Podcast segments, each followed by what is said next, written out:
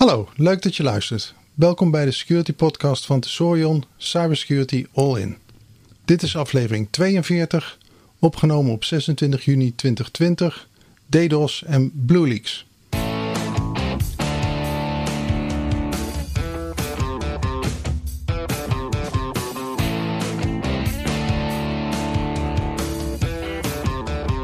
In deze aflevering bespreken we DDoS records, de BlueLeaks dump en nog wat meer.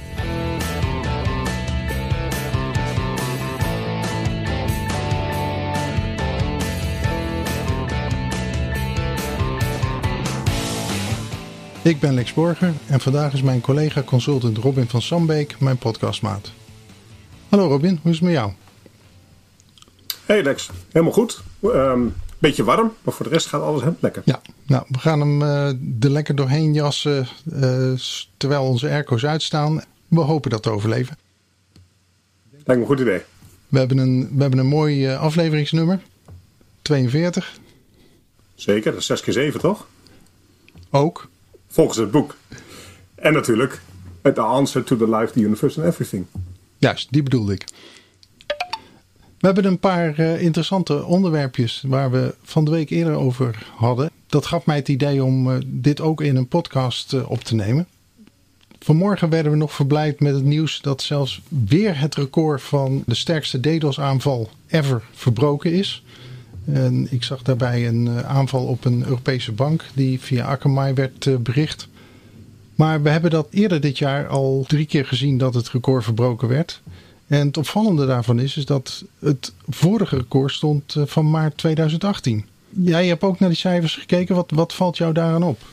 Ja, nou, eigenlijk stond het record natuurlijk op 28 februari op de 1,3 terabit van GitHub. Dat was die Memcached aanval. En meteen daarna is diezelfde aanval gebruikt met de, die 1,7 terabit. En toen heeft iedereen besloten Memcache toch maar uit te gaan zetten buiten. Maar wat gek dat het nu weer als een gek begint op te lopen. En de getallen worden schrikbarend groot. Met een 2,3 terabit tegen AWS. Ja, ik zie al dat de sources ook overgestapt zijn met megapackets of uh, million packets per second aan te geven in plaats van terabytes per second. Ik zag ook dat uh, Imperva aangaf van dat is eigenlijk een veel uh, betere maat voor de, de sterkte van de aanval. Ik heb nog niet helemaal doorgelezen van waarom dat nou goed is en of dat voor alle soorten aanvallen geldt. Ja, dat is ook niet altijd zo hoor. Dat ligt er natuurlijk aan. Een Synflat aanval bijvoorbeeld. Kan je met een paar packets kan je eigenlijk al een server neergooien. Maar dit soort extreem grote DDoS aanvallen gaan natuurlijk de aantal packets per second gaan natuurlijk uitmaken. Vooral als de grootte van de packets steeds groter worden. Dus als je een 809 miljoen packets per seconde hebt. En de packets zijn 1000k groot. Ja. ja, dan gaat het opeens heel hard natuurlijk. Dus ja, hoe meer packets je kan verstouwen ten opzichte van de hoeveelheid data die erin zit. Amplified bijvoorbeeld door een LDAP of een Memcache. Ja, dat is natuurlijk de combinatie die dan het heel groot maakt. Ja, want ik zag daar wel een uh, verschil tussen. Want uh, de 17 februari 2020 uh, aanval was geklokt op 2,3 terabyte per seconde. Ik kon daar geen megapackets per second bij vinden. Maar 21 juni, dus de net gemelde door uh, Akamai van een Europese bank, die staat op 809 miljoen packets per second, maar op 418 gigabyte per second. Kleine rectificatie, het is wel echt gigabit per seconde. Uh, sorry, gigabit per seconde. Dus uh, als het gigabyte was, dan was het helemaal niet meer grappig dit. ja. Ik weet niet hoeveel daar wordt gedraaid. Ik weet wel dat het echt absoluut uitmaakt. De hoeveelheid packets die binnenkomen, gaat gewoon jouw lijn hoe dan ook vol trekken. En dat maakt dat je hoe dan ook uitgaat. Ja. Maar dat ze het tegenhouden vind ik wel heel mooi. Ja, dat is het hele businessmodel van uh, partijen zoals Akamai, hè? dat ze dat goed kunnen. Zeker, maar uh, ik heb daar vaker met die jongens ook gesproken. En die gaven aan dat ze natuurlijk alles tegenhouden. En een week later lagen ze eruit. Dus uiteindelijk win je natuurlijk. Want hoe breed is jouw lijn die je maximaal kan droppen? En als je hem al kan droppen. Ja. Maar je moet natuurlijk wel weten dat al het verkeer wel gewoon goed is, zeg maar. Dus het goede verkeer moet nog wel doorgaan. Anders drop je gewoon iedereen. En dan werkt die DDoS heel goed. Dan hoef je niet, niets, niks meer te doen. Ja. En dat is het moeilijke hieraan. Ja, en als ik dan even terugkijk naar het lijstje, zover als ik het in de show notes uh, doorgegeven heb. Ik bedoel, 18 maart 2013. Uh, dat klinkt nog niet eens zo lang geleden. En toen was het 30 gigabit per seconde. En dat werd langzaam tijdens de attack opgeschaald naar 90, naar 300. En dat was dus de Spamhouse uh, DDoS aanvalserie. Ja, het mooie is dat je 300 gigabit kan je bijna gratis krijgen tegenwoordig. Ja, ja dat was toen de echte grote uitzondering. Ja, tegenwoordig zie je dat de kleine DDoS aanvallen kan je eigenlijk gewoon een eh, IP-adres droppen op een willekeurige server. Ja. En dan wordt het voor jou gedaan. En dan wordt het gratis wordt het meegenomen in grote botnet aanvallen. Wat wel grappig is, een leuk detail was van de GitHub aanval, was dat er geen bekende botnets bij in zaten. Dus dat was wel even een apart dingetje natuurlijk. Ja. Maar dat, uh, tegenwoordig koop je ze gewoon met je PayPal-account kan je ze kopen. Dan kun je ook lifetime abonnementen afnemen voor heel veel aanvallen. Ja, en wat is nou de grootte die een, een gemiddelde site. Want kijk, dit zijn allemaal sites die natuurlijk uh, met een hele grote partij zoals Akamai of Imperva uh, bescherming hebben gekocht. Maar een, een gewone gemiddelde site, wat is daarvoor nodig om uh, die omver te blazen? Als ik me goed herinner, was het zoiets van 10 gigabit per seconde of zo al snel. Ja, ja, één. Eigenlijk, als jij continu 1 gigabit kan, kan zetten op de lijn afhankelijk natuurlijk wat voor een abonnement je hebt bij jouw provider. Als je bij een provider uh, jouw service zelf hebt staan. En jij hebt daar gewoon een internetlijn afgenomen. Heb jij bijvoorbeeld een internetlijn van 1 gigabit. Ja. Als die 1 gigabit vol zit, omdat daar junk op wordt gezet. Dan heb je gewoon geen verkeer meer mogelijk op die 1 gigabit. Dus dan is het heel makkelijk te berekenen. Ja. Met, met ietsje over de 1 gigabit ben je er. Ook al zou je alles tegenhouden op je firewall het verkeer voor jouw firewall is nog steeds 1 gigabit. Ja. Dan heb je ze niet in jouw eigen netwerk, maar aan de buitenkant wel en dus zit je lijn vol. Als perspectief van dit soort cijfers zijn gewoon echt gigantisch hoog. Extreem hoog. Gemiddelde netwerken kunnen, kunnen dit normaal gesproken niet aan. En daarom hebben we gelukkig mensen als Akamai, AWS Shield. Uh, en uh, in Nederland hebben we natuurlijk de, de NAWAS. Ja, daar heb ik een artikel eh, over geschreven in het eh, PVB-blad eh, een tijdje geleden. Laten we DDoS even voor wat het is. Gaan we over naar BlueLeaks, want daar hadden we onze grote discussie over. De BlueLeaks waren een aantal interessante dingen aan de hand. Anders dan dat er alleen maar een hoeveelheid documenten gepubliceerd werden. Zeker. Als we het even heel snel uitzetten in de tijdslijn, dan zien we dat er in de Black Lives Matter discussion zag, eh, zag dat opeens Anonymous weer begon mee te doen. Na bijna tien jaar stil te zijn. En die kondigde aan dat ze iets zouden gaan doen tegen de politie. Ja. En een week daarna komt BlueLeaks. En BlueLeaks is een verzameling van bijna 300 eh, gigabyte aan documenten uh, van verschillende politiebureaus. En dit is allemaal gehackt, zoals het dan zo mooi heet, uit een mooie hub waar alle informatie van politie bij elkaar komt. Waar ook wel her en der wat vraagtekens bij zijn. En wat er dus de verwachting is, is dat Anonymous dit heeft verkregen, gehackt. Ja. En heeft gedumpt. Ja, dit hebben ze gepubliceerd op een eh, website uh. En ik zat daar te kijken en er wordt verwezen naar uh, de Noord-Amerika-tak van alle secrets die daar staan. Maar ik zag ook dat daar behoorlijk wat meer stond. Is dit een, een site die al langer bestond? Ja, DDoS Secrets bestaat al best lang. Het is een soort van een tegenhanger van Wikileaks.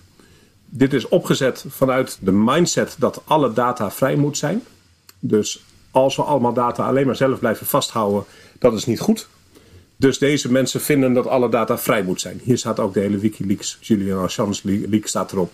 Maar ook de, de grote dingen uit Duitsland, wat toen uh, gevonden was. Dat soort dingetjes staan allemaal op. Deze bestaat al een paar jaar nu.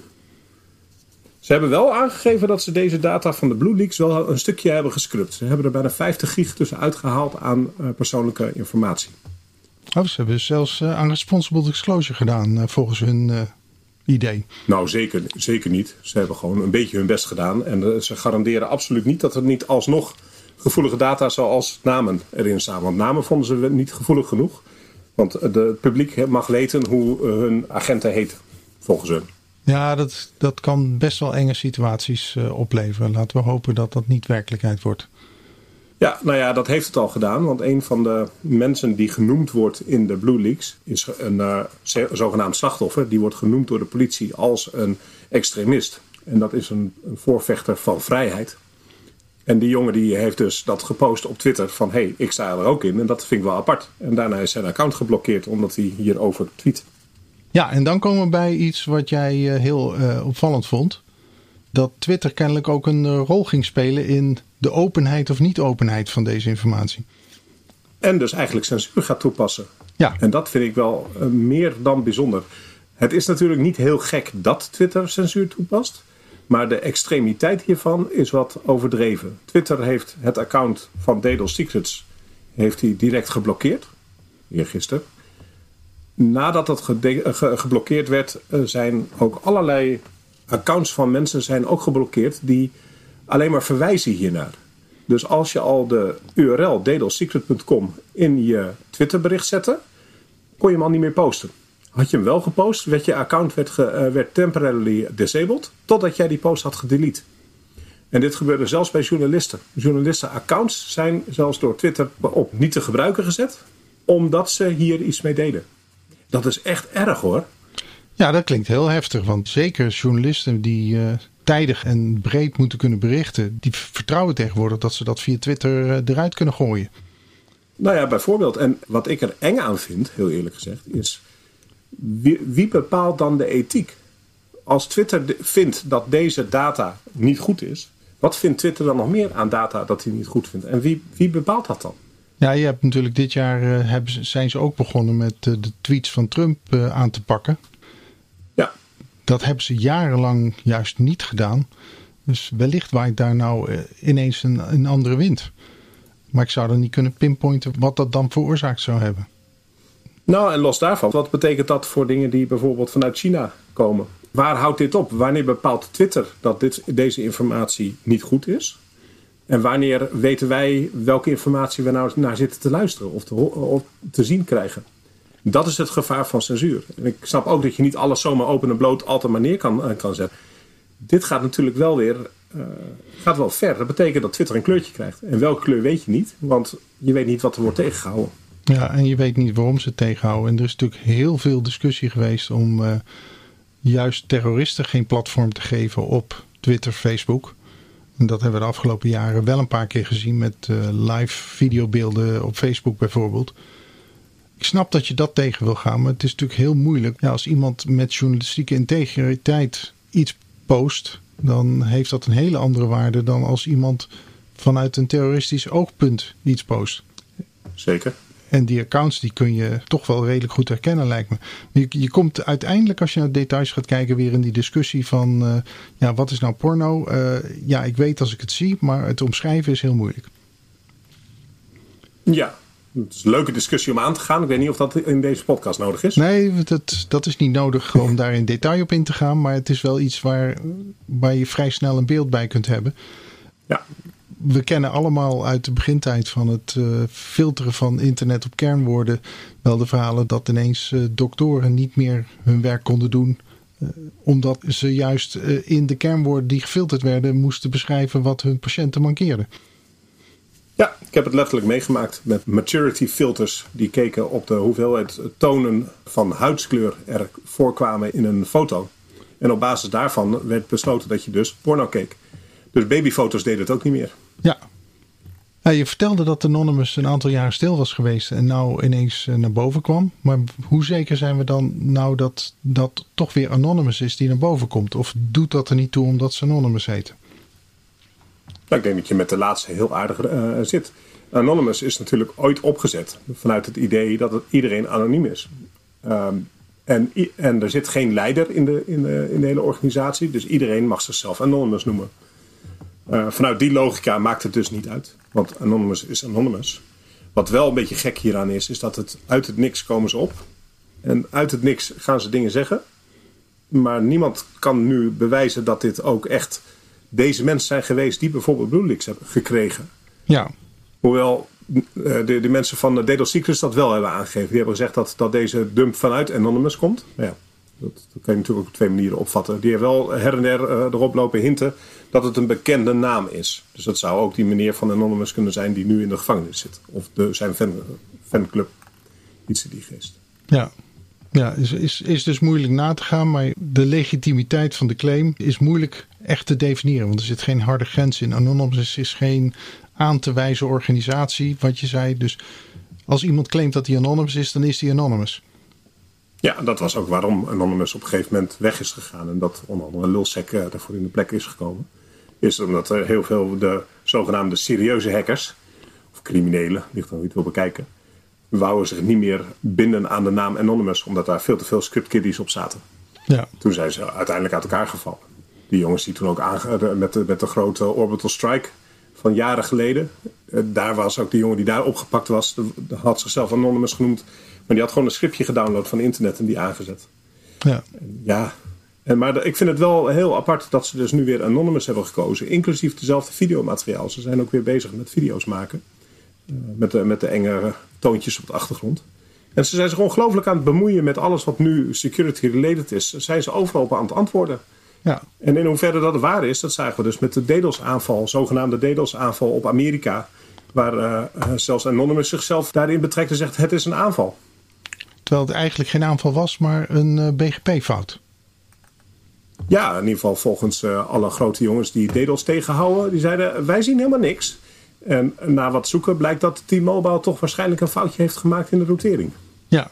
En die zijn natuurlijk in Amerika, doordat ze met Sprint samen zijn gegaan en afgesproken hebben dat ze versneld allerlei zaken bij elkaar gaan voegen, natuurlijk heel veel configuratiewerk om te leiden hebben.